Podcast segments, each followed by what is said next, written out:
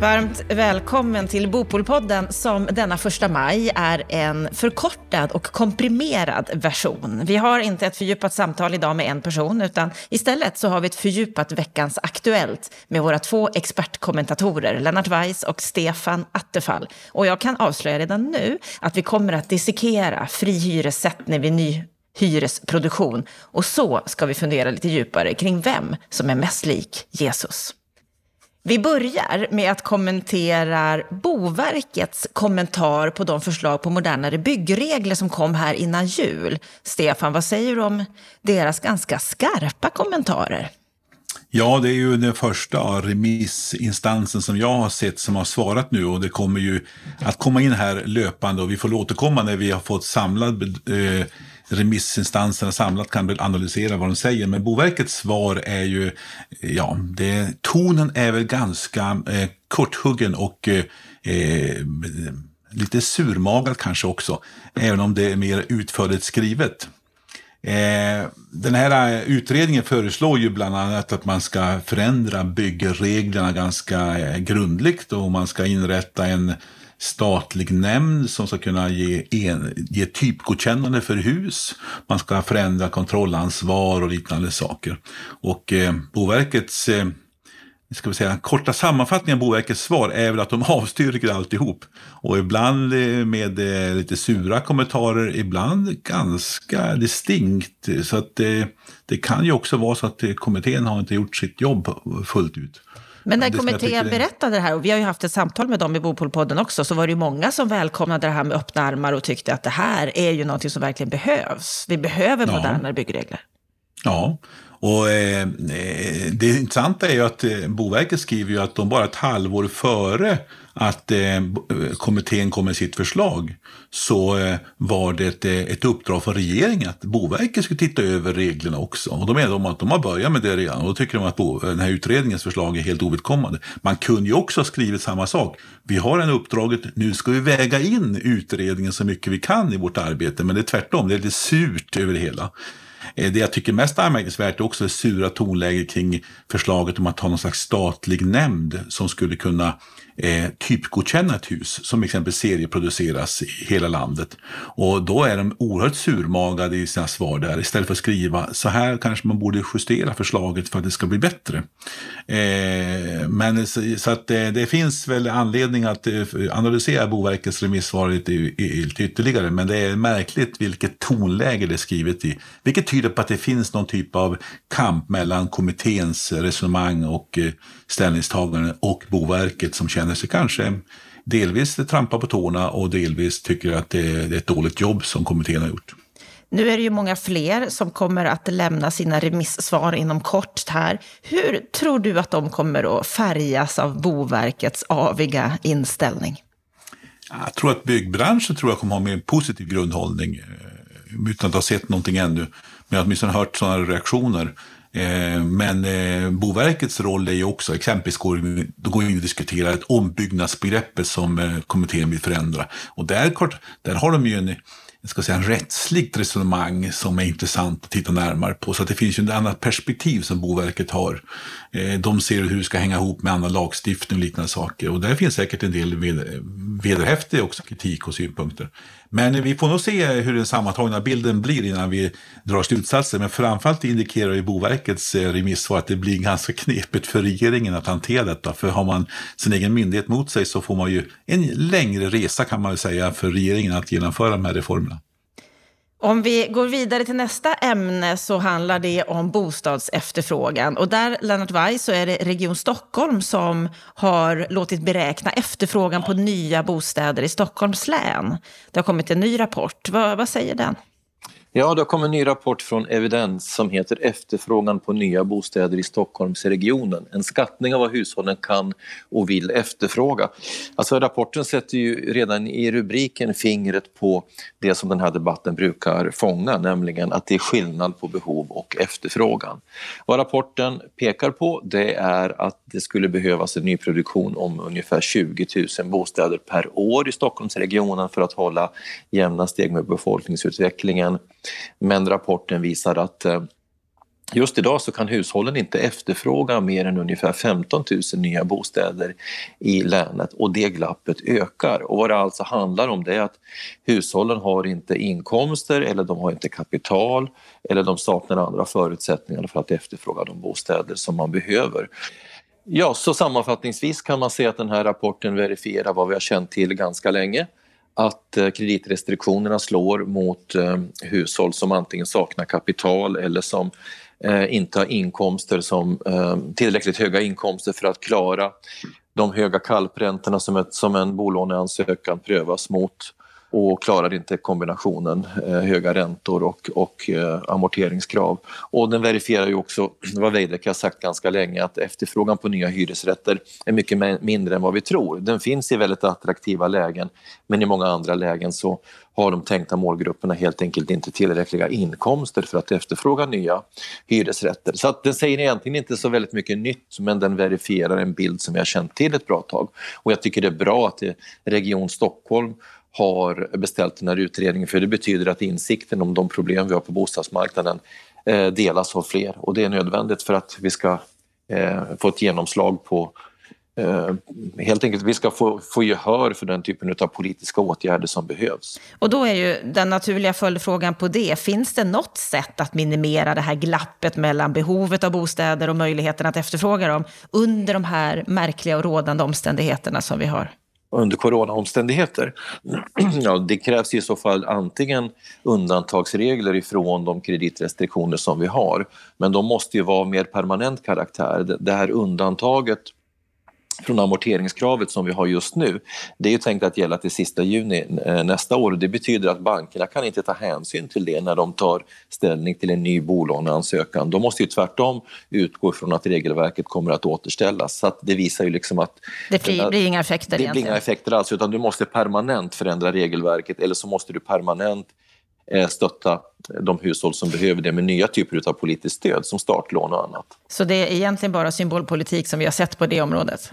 Ja, det hjälper de hushållen som nyss kom in på bostadsmarknaden och som har varit likviditetspressade. De får hjälp, men, men det hjälper inte efterfrågan på, på bostadsmarknaden. Det, det påverkar inte nyproduktionen överhuvudtaget. Är det här någonting som vi behöver vara oroliga för? Blir det värre? Ja, värre och värre, ja det kommer det ju bli successivt men det, det vi behöver oroa oss för det är ju den, det, det, det, successivt ökande glappet som vi har mellan generationerna. Kreditrestriktionerna är en typ av generationspåverkande politik och, och jag, jag, har ju sagt ett antal gånger att jag tycker att det är oerhört märkligt för att inte säga skandalöst att eh, politikerna accepterar att eh, klyftan mellan dagens ungdomar och, och, och de generationer som gynnades något alldeles oerhört av den gamla bostadspolitiken bara blir större och större.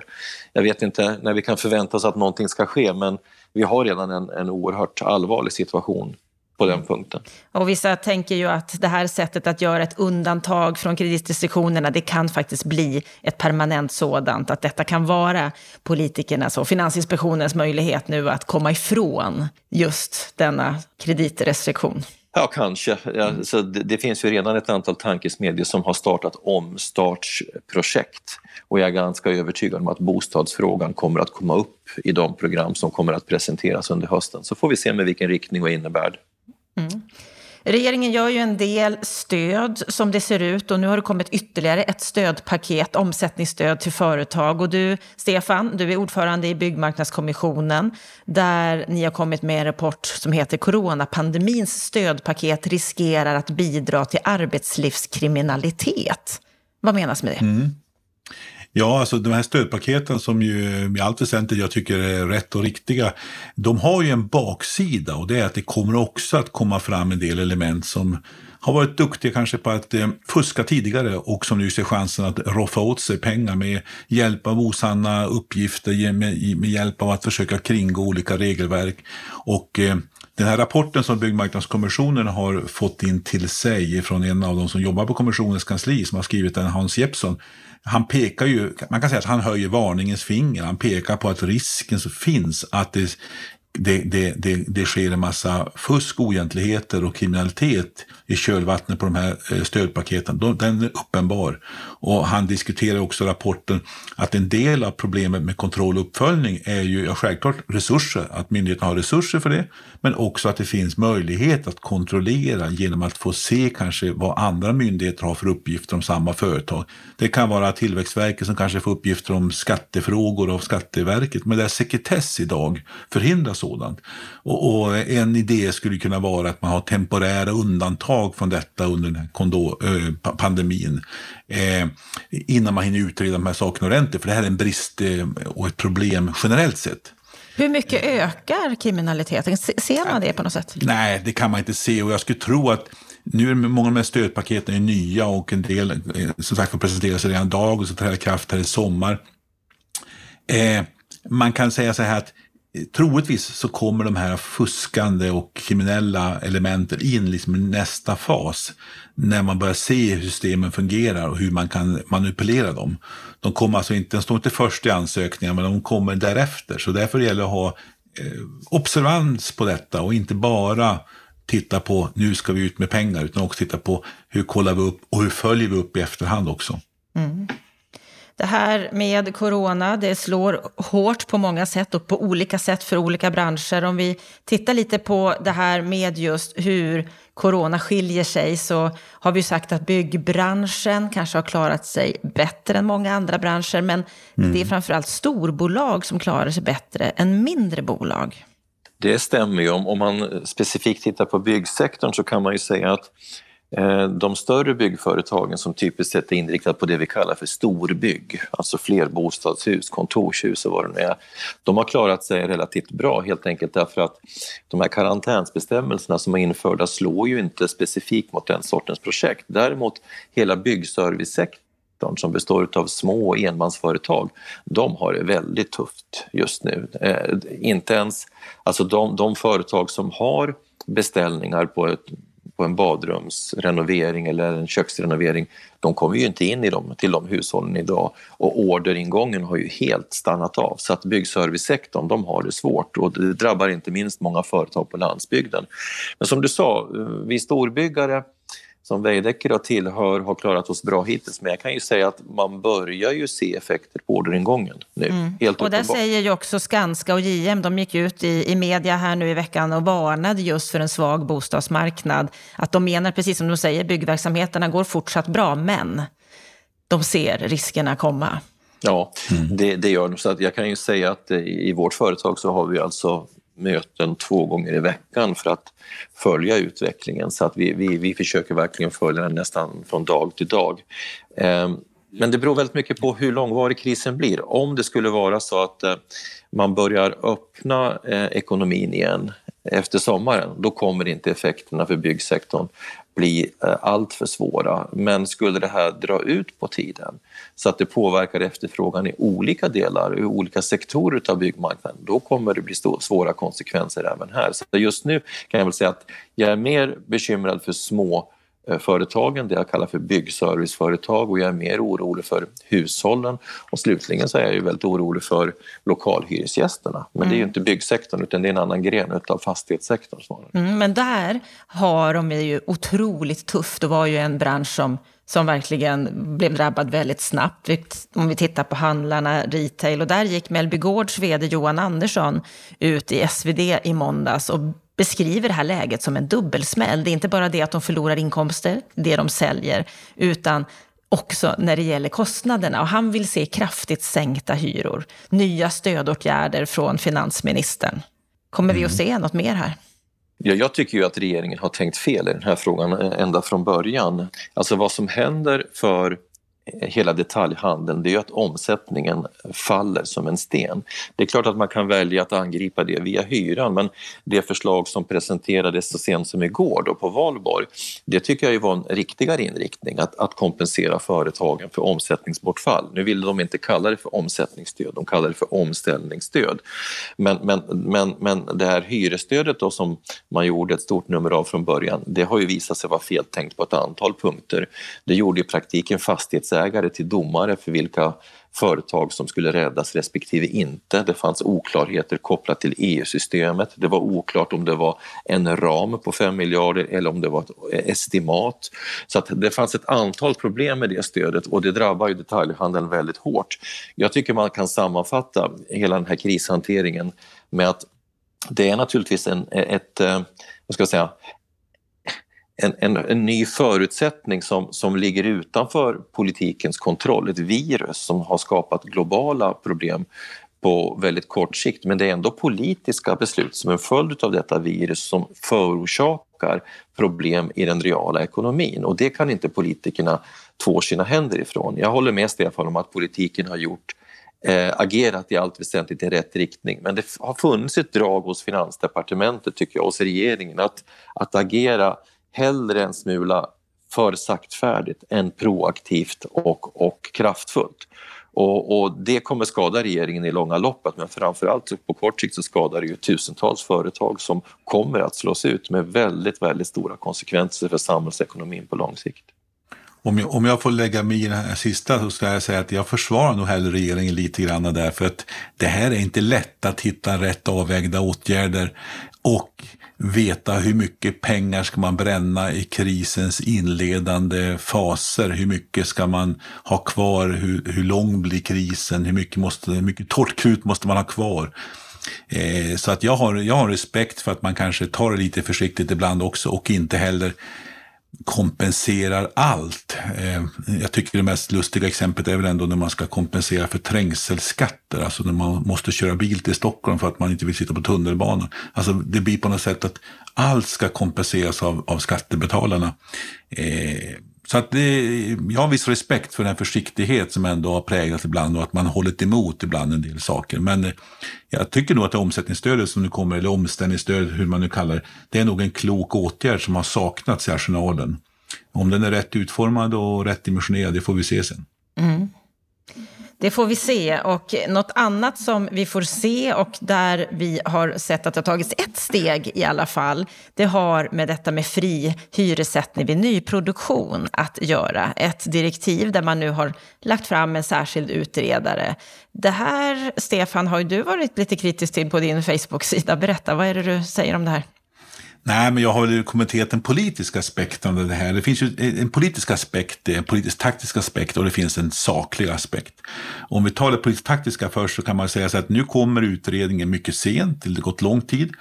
Och eh, den ska vara klar så att efter remissbehandling ska förslag tas fram senhösten 2021 och presenteras för riksdagen i början på 2022. Och 2022 råkar ju vara ett valår också. Och vad händer då? Jo, förslaget kommer alltså till riksdagen och blir skarpt när vi går in i valåret. Då innebär ju det att det blir mycket svårare för Vänsterpartiet som ska nu kräva regeringens huvud på ett fat när det här förslaget presenteras. Ska de göra det några månader före ett val?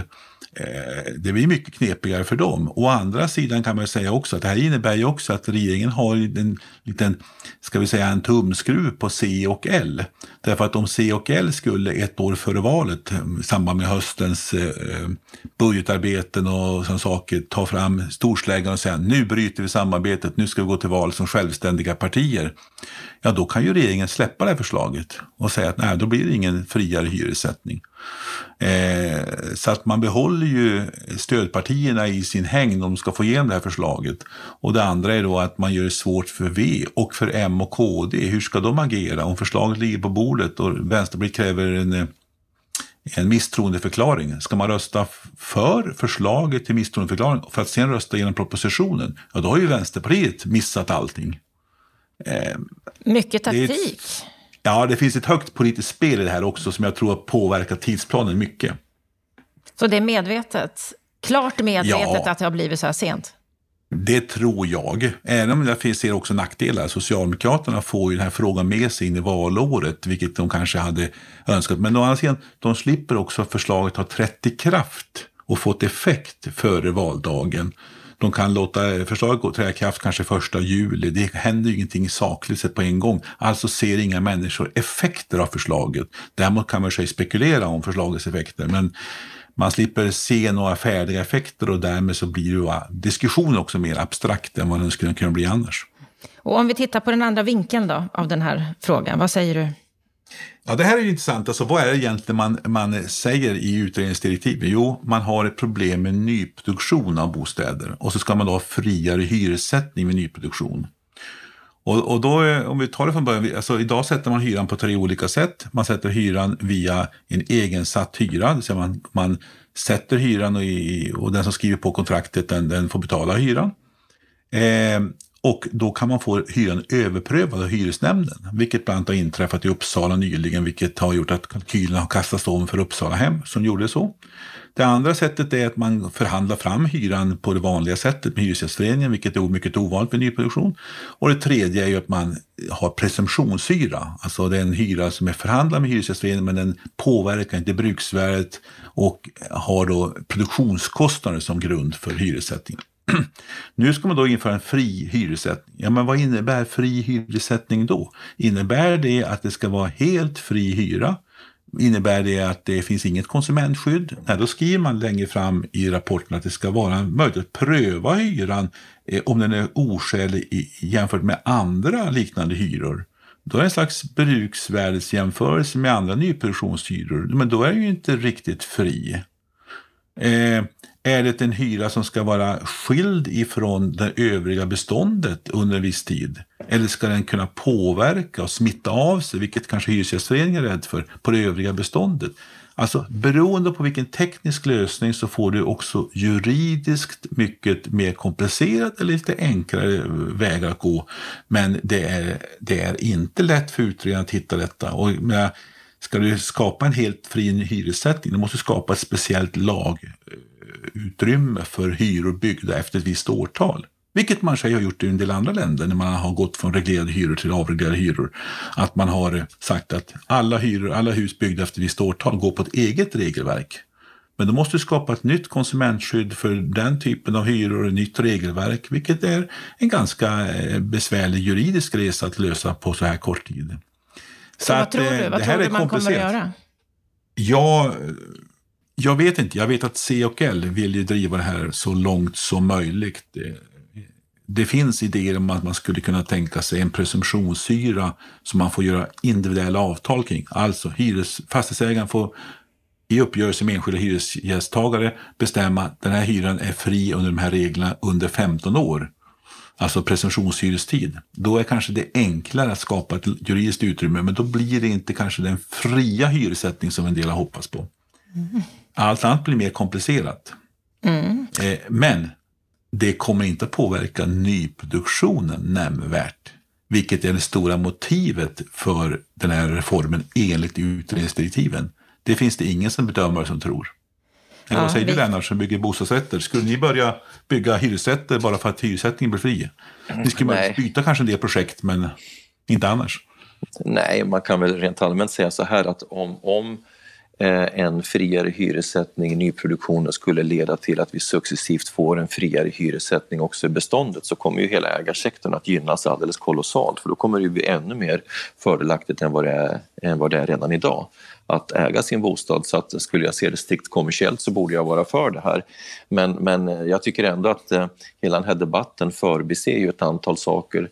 Man förbiser det Stefan är inne på, nämligen att hyreslagstiftningen är ju en sorts konsumentlagstiftning som, som har kommit till stånd därför att bostaden i ett civiliserat välfärdsland som Sverige är en del av vår grundläggande välfärd. Och då ska man ju hålla i minnet när man tittar ut över, den typ, ut, ut över världen och, och tittar på den sortens länder så, så har ju alla länder som har höga välfärdsambitioner någon typ av social mekanism i sin bostadsmarknad. Men de som då inte har den svenska modellen som, bety- som, som bygger på förhandlade hyror mellan parter och, och, och, en sorts socialt inriktad hyreslagstiftning, de har ju istället en tudelad bostadsmarknad. Det vill säga en, en del av marknaden med marknadshyror och en del med så kallade sociala bostäder som är subventionerade av samhället. Och, och det debatten saknar det är en, en ordentlig analys av vad det finns för för och nackdelar med det här. Och, och, som jag ser det väldigt kort sammanfattat, för det här är en lång diskussion, så tycker jag att nackdelarna med den sortens modeller är mycket större än med den svenska eh, modellen som vi har idag. Sen, sen beaktar ju inte debatten heller att vi kommer ju till följd av att de gamla billiga hyresrätterna som vi har idag eh, kommer få en förändring av hyresmarknaden per automatik när de bostäderna rustas upp. Så att om man inte liksom inför någon ny typ av eh, samhällssubventioner, framförallt på finansieringssidan, så kommer ju så kommer ju eh, förekomsten av billiga hyresrätter att bli väldigt liten i framtiden. Så att på det sättet så har jag svårt att förstå att, att en friare hyresrättning i nyproduktionen skulle påskynda en process som ändå redan pågår. Men som sagt, det är en snårig debatt det här och, och vi får anledning att återkomma till den. Mm. Det här kommer bli en lång konflikt. Men får jag, får jag, jag tror att man ska se det så här att man på marginalen kan få lite fler hyresrätter byggda med en friare hyressättning. Dels därför att några bostadsrättsprojekt skulle kanske kunna byggas som hyresrättsprojekt istället. Och dels därför att du har några attraktiva lägen och du har exempelvis Uppsala hemdomen som kom från hyresnämnden i Uppsala för ett tag sedan som visar på att deras satta hyror fick underkänt. Och därmed så drar de ju ner på sin nyproduktion i centrala lägen där hyresnivåerna är höga. Och där skulle du kunna få en större utrymme. Så att jag tror att du kan få till stånd lite ökat utbud, men det är inga stora tal. Och det är dyra lägenheter och det är speciella attraktiva lägen där du kan få fram detta. Ja, eh, sen är frågan då hur du, hur du konstruerar systemet, hur mycket det smittar av på det övriga beståndet och därmed också kan du diskutera fördelningspolitik och hur hela förhandlingssystemet ska fungera. Och då är du inne mycket mer komplexa frågor som juridiska utred, juristen som är utredare måste fundera mycket på. Var drar man gränsen och hur avgränsar man det här för att inte riva upp eller behöva utreda en förändring av hela hyreslagstiftningen, vilket ju inte är tanken med direktiven. Mm. Nej, vi får anledning att återkomma till detta alldeles säkert. Och vi får se om det är så att de klarar av att komma till mål med det här under innevarande mandatperiod, vilket ju du tvivlar på, Stefan, som det låter.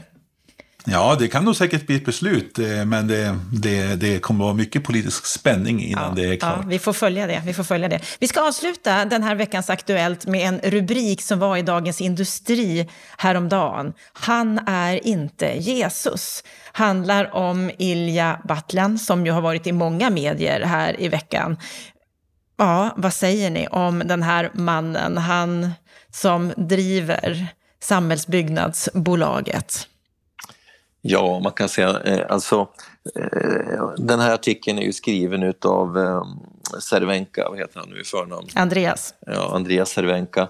Så att det ena man måste egentligen kommentera det är ju hans vinkel, generella vinkel i, i den här sortens frågor och det andra naturligtvis Ilja Batljan och hur ett ska vi säga, ett lagom, ett, ett jantelagspräglat land som Sverige reagerar när det dyker upp en person som mm. är färgstark. Så det, det, hänger ihop. Cervenka, han har behov av att riva statyer och han har alltid eh, den hållningen i, i den här sortens frågor att de som driver finansiellt drivna verksamheter tar väldigt stora risker.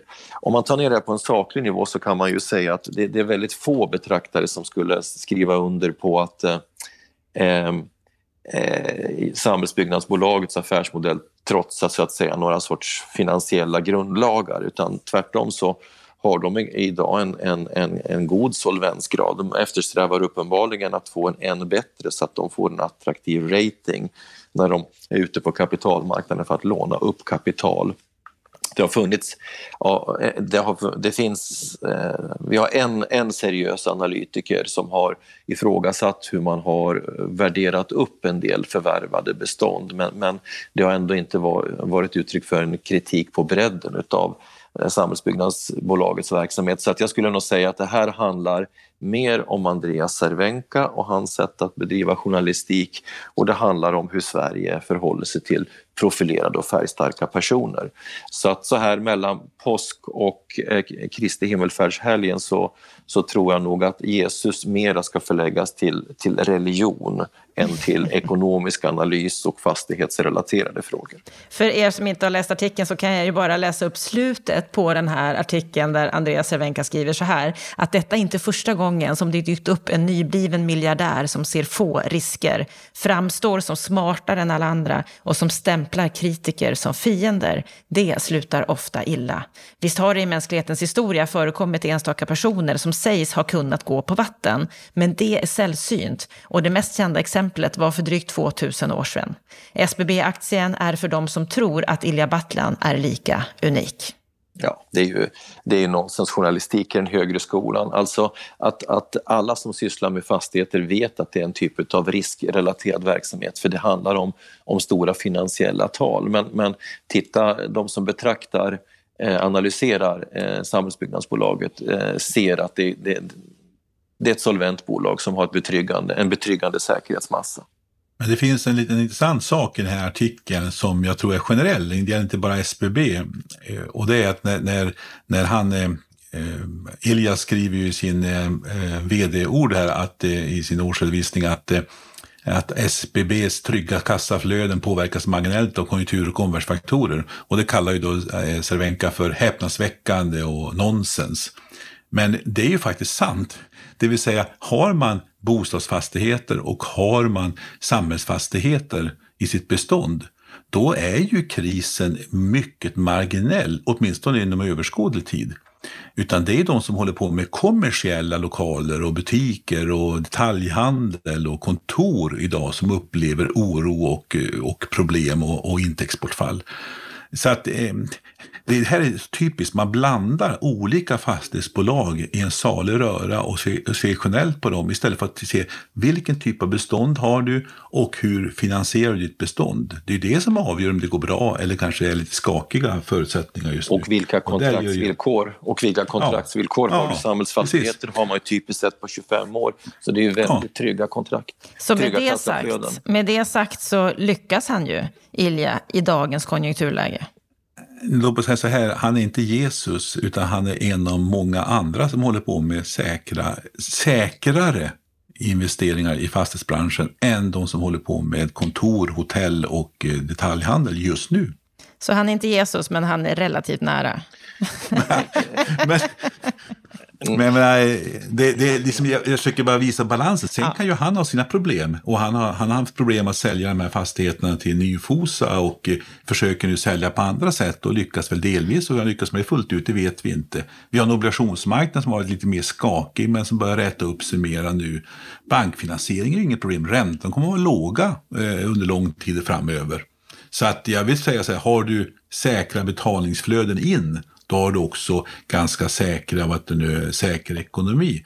Sen kan värderingarna komma ändå påverkas, men eh, det handlar mer om att du måste vara rätt del av fastighetsbranschen för att känna dig trygg. Och är du i fel del, då kanske du har en skakig resa. Mm. Och den urskiljningen måste man göra.